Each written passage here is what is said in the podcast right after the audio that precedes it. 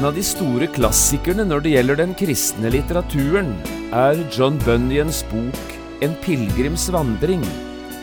Nest etter Bibelen har nok dette vært en av verdens aller mest leste bøker.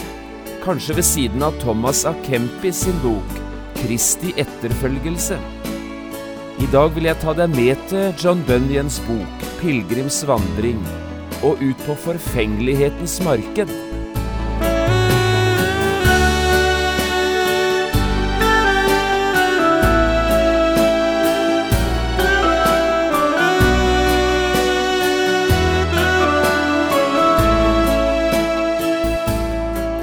Hjertelig velkommen til et nytt program i serien Vindu mot livet.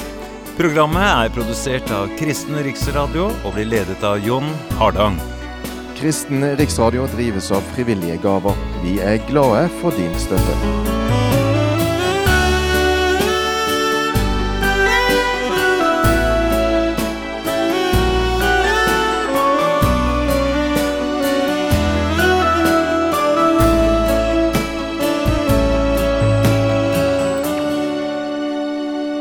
Vi skal også i dag fortsette denne bibelundervisningsserien som vi har kalt Se himmelens fugler.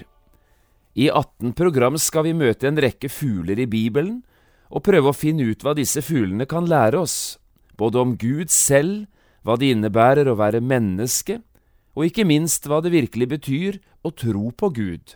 For dette kan fuglene lære oss mye om. Du kan også få kjøpt denne programserien på CD ved å henvende deg til P7 Kristen Riksradio. Vi skal også i dag lese litt fra Det gamle testamentet, og vi leser et avsnitt fra andre krønikebok, kapittel 9. I dette avsnittet møter vi den legendariske kong Salomo, midt i all sin velstand og allmakt. Det hviler likevel noe tragisk over det vi nå skal møte. Vi leser fra andre krønikebok i kapittel 9, og vi leser avsnittet fra vers 13 til 24. Jeg har kalt dagens program Påfuglen. Vekten av det gullet som i ett år kom inn til Salomo, var 666 talenter, foruten det som kom inn fra kjøpmennene og de reisende handelsmenn. Også alle kongene i Arabia og stattholderne i landet leverte gull og sølv til Salomo. Kong Salomo laget 200 skjold av hamret gull.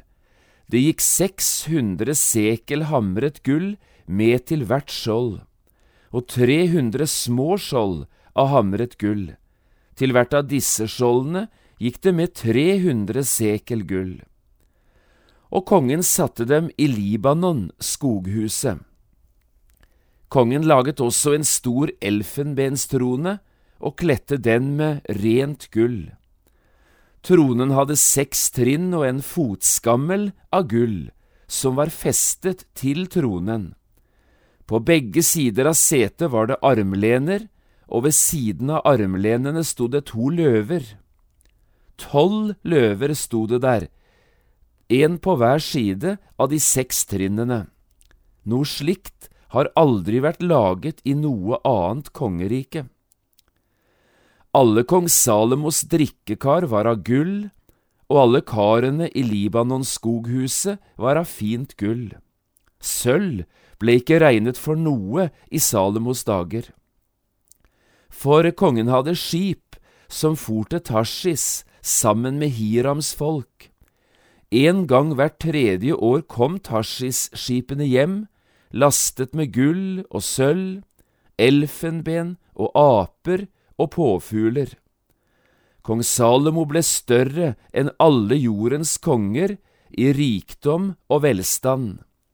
Fra alle jordens kanter kom det konger for å se Salomo og høre hans visdom, som Gud hadde lagt i hans hjerte og hver av dem hadde gaver med, sølvkar og gullkar og klær, våpen og krydderier, hester og muldyr.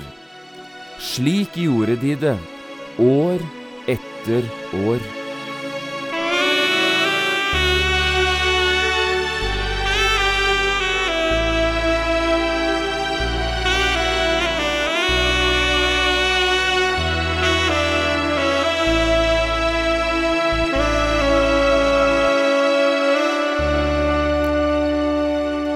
En av de store klassikerne når det gjelder den kristne litteraturen, må være John Bunyans bok En pilegrims vandring.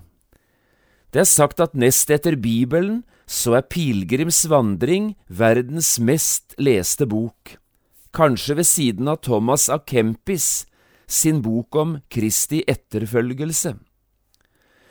John Bunyan ble født i England i 1628 og døde 60 år senere. Etter å ha kjempet kolossalt for å finne fred med Gud, kom John Bunyan endelig gjennom til frelsesvisshet og frelsesglede. Og etter dette virket han i en del år som Guds ords forkynner. Men i november i 1660 ble så John Bunyan arrestert på grunn av denne virksomheten, og han ble sittende i fengsel i tolv lange og vanskelige år, nesten som en engelsk Hans Nilsen Hauge. Men Gud kan få mye ut av forskjellige ting, også et fengselsopphold, og det var nettopp i disse fengselsårene at boka Pilegrims vandring ble skrevet. Dette er en allegori, eller en billedfortelling, om mannen kristen som forlater fordervelsens stad for å gi seg på vei til den himmelske stad. Et av de best kjente kapitlene fra denne boken er historien om det som skjedde da kristen og hans gode venn Trofast kom til byen Forfengelighet og måtte passere forfengelighetens marked. Møtet med denne byen og med dette markedet ble en ganske tøff opplevelse for de to vennene.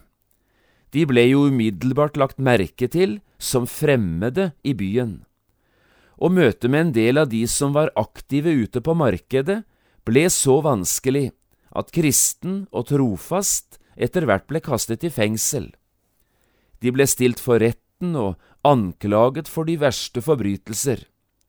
Trofast ble mishandlet på det grusomste og faktisk drept her i byen Forfengelighet. På underfullt vis ble imidlertid kristen berget igjennom disse vanskelighetene, og kunne siden fortsette sin reise mot den himmelske stad. Men nå måtte han altså gå alene. Jeg hadde lyst til å lese litt fra begynnelsen av dette kapitlet, for deg som lytter nå, altså kapitlet om forfengelighetens marked. Så skal du få høre litt av det som John Bunyan her har på hjertet. Han skriver følgende. Nå så jeg i drømmen at de kom ut av ødemarken. Like foran dem lå en by som heter Forfengelighet, og der ble det holdt et marked som kaltes Forfengelighetens marked. Det holdtes året rundt og kaltes så fordi hele byen det ble holdt i, og alt som ble solgt der, og alt som kommer dit, bare er forfengelighet. Det er som vismannen sier, alt sammen er bare forfengelighet. Dette markedet er ikke noen nystartet forretning, det er av gammel dato. Det kom i stand for omtrent 5000 år siden. Da var det også pilegrimer som gikk til den himmelske stad, akkurat som nå. Beelzebul, Apollion, Legion og alle deres kampfeller la merke til hvilken vei disse pilegrimene tok, og så skjønte de at veien til den himmelske stad gikk gjennom byen forfengelighet. Da besluttet de å åpne et marked der, hvor de kunne selge alle slags forfengelige saker, og det markedet skulle holdes åpent bestandig, året rundt. Nå selger de alle slags varer der, hus, land, forretninger, stillinger, fine titler, gode embeter, gods, kongeriker og likeledes alle slags lyster og fornøyelser, skjøger, hustruer, menn, barn, herrer, tjenere, liv, blod, legemer, sjeler, sølv og gull, perler og edelstener, Ja, jeg vet ikke hva man ikke kan få der. Dessuten kan man til alle tider få se gjøglere og spillere, bedragere, aper, narrer og kjeltringer av alle slag. Gratis kan man også få se hvorledes tyveri, mord, ekteskapsbrudd og mened utøves, av aller verste slag. Og så fortsetter John Bunyan med å skildre dette markedet, og avslutter skildringen omtrent sånn. Dette store markedet er altså svært gammelt, og kristen og trofast, de var også nødt til å gå igjennom det. Så langt John Bunyans bok Pilegrims vandring og kapittelet Forfengelighetens marked.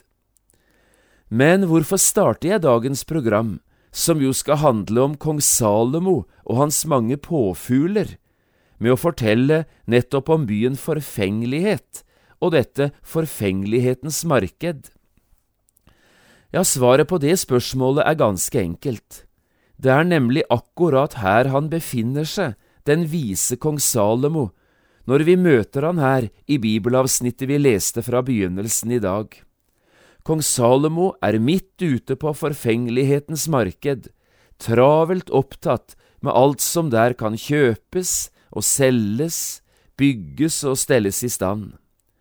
Og jeg kvier meg ikke for å si det rett ut, nettopp derfor, fordi kong Salomo hadde havnet på forfengelighetens marked, Nettopp derfor møter vi han i den mørkeste og mest nedslående perioden i hele hans liv.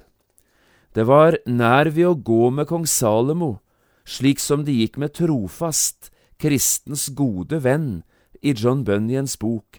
Han holdt på å sette livet til ute på markedet. Men for kong Salomo gjaldt det det åndelige livet.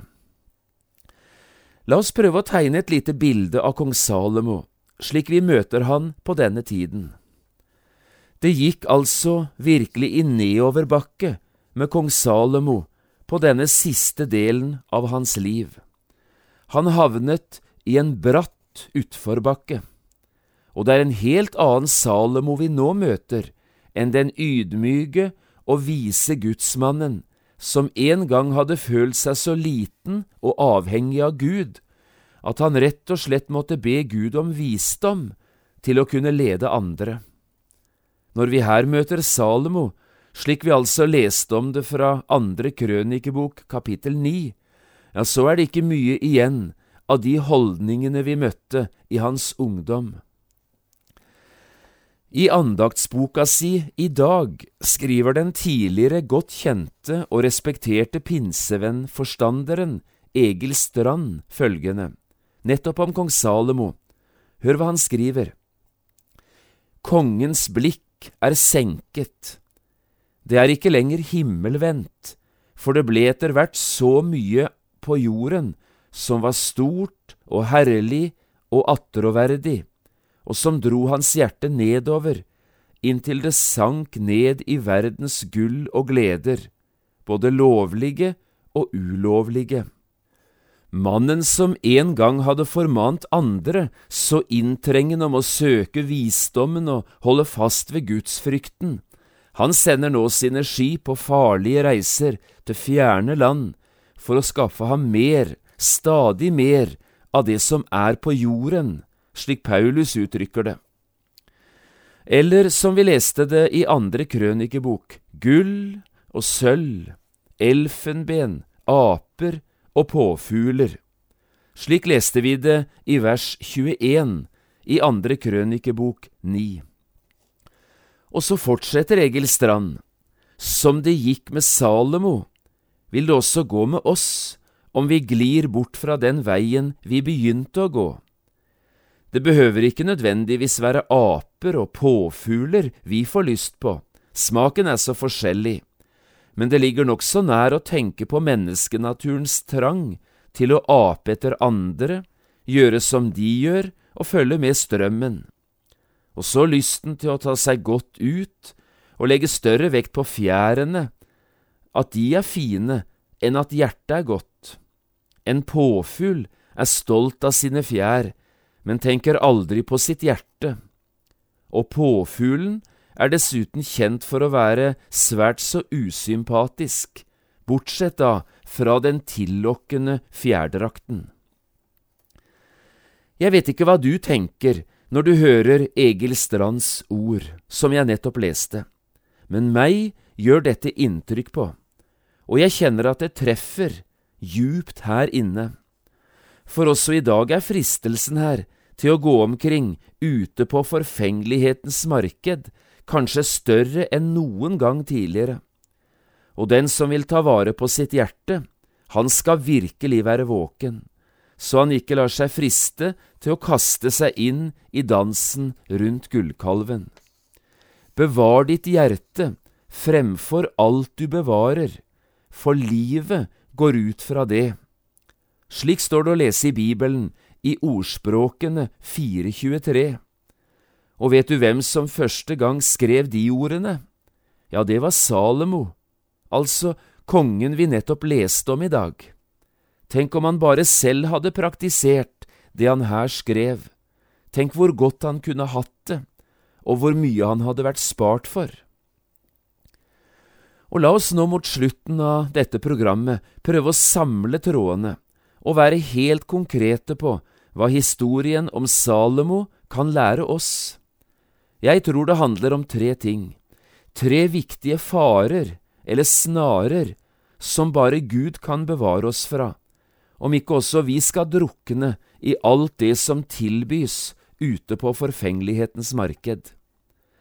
Og disse tre tingene, de er å finne i det bibelavsnittet vi allerede har sitert, nemlig i vers 21.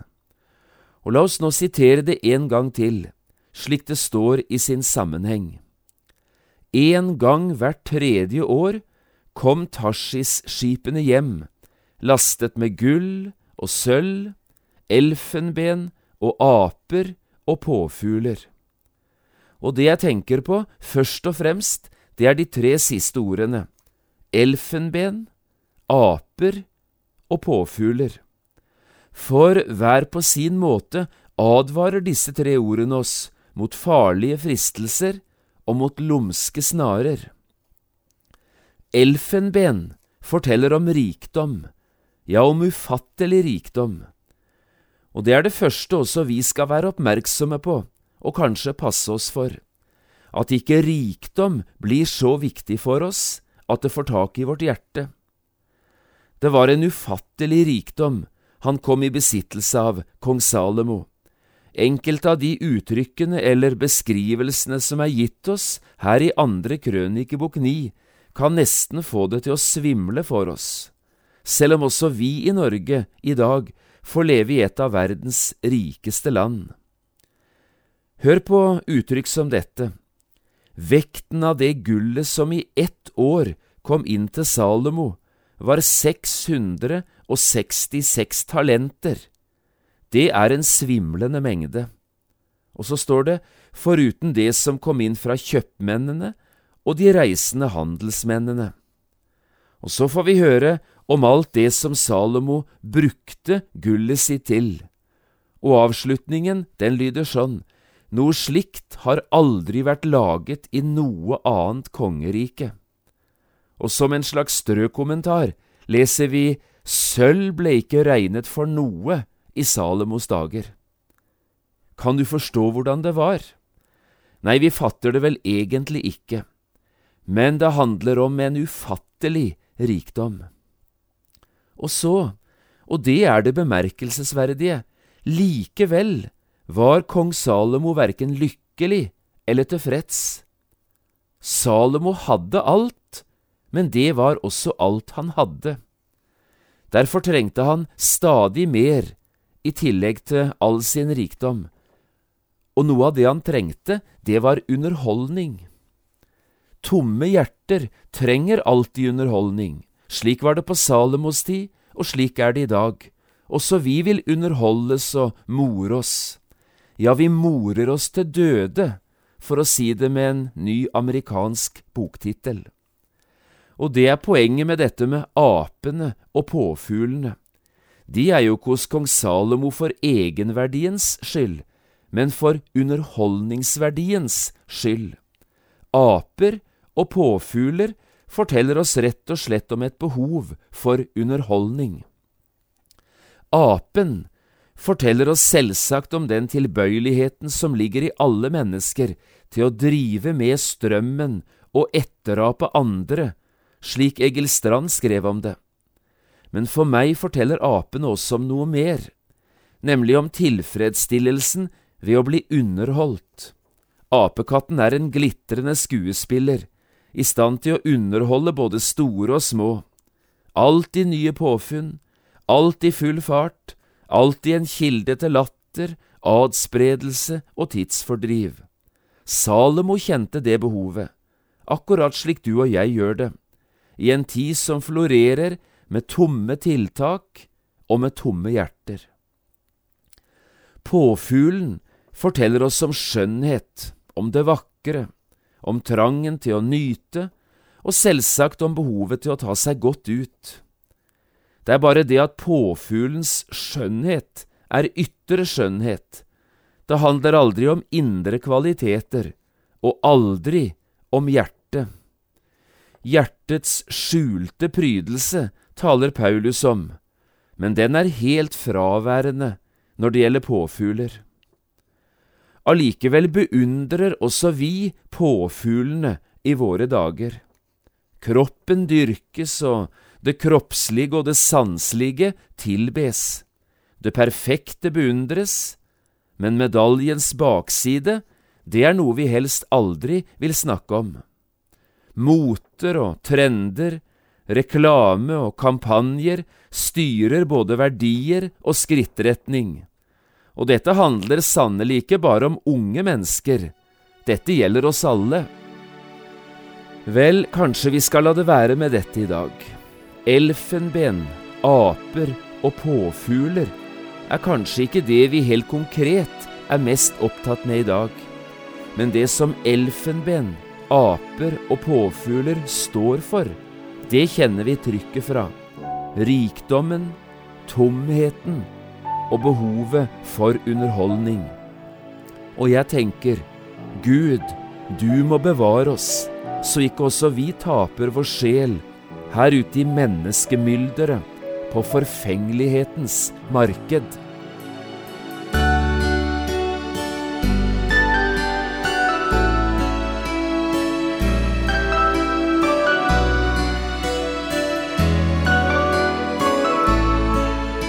Du har hørt på et program fra serien Vindu mot livet med John Hardang. Programmene i denne serien kan også kjøpes på CD fra P7 Kristen Riksradio, eller høres på internett på p7.no. Har du spørsmål eller kommentarer til det du nå har hørt, kan du ta kontakt med oss på telefon. Da bruker du telefonnummer 56 32 17 01. Du kan også sende oss en e-post. Adressen er vml.krøllalfa.p7.no. Takk for i dag, og på gjenhør.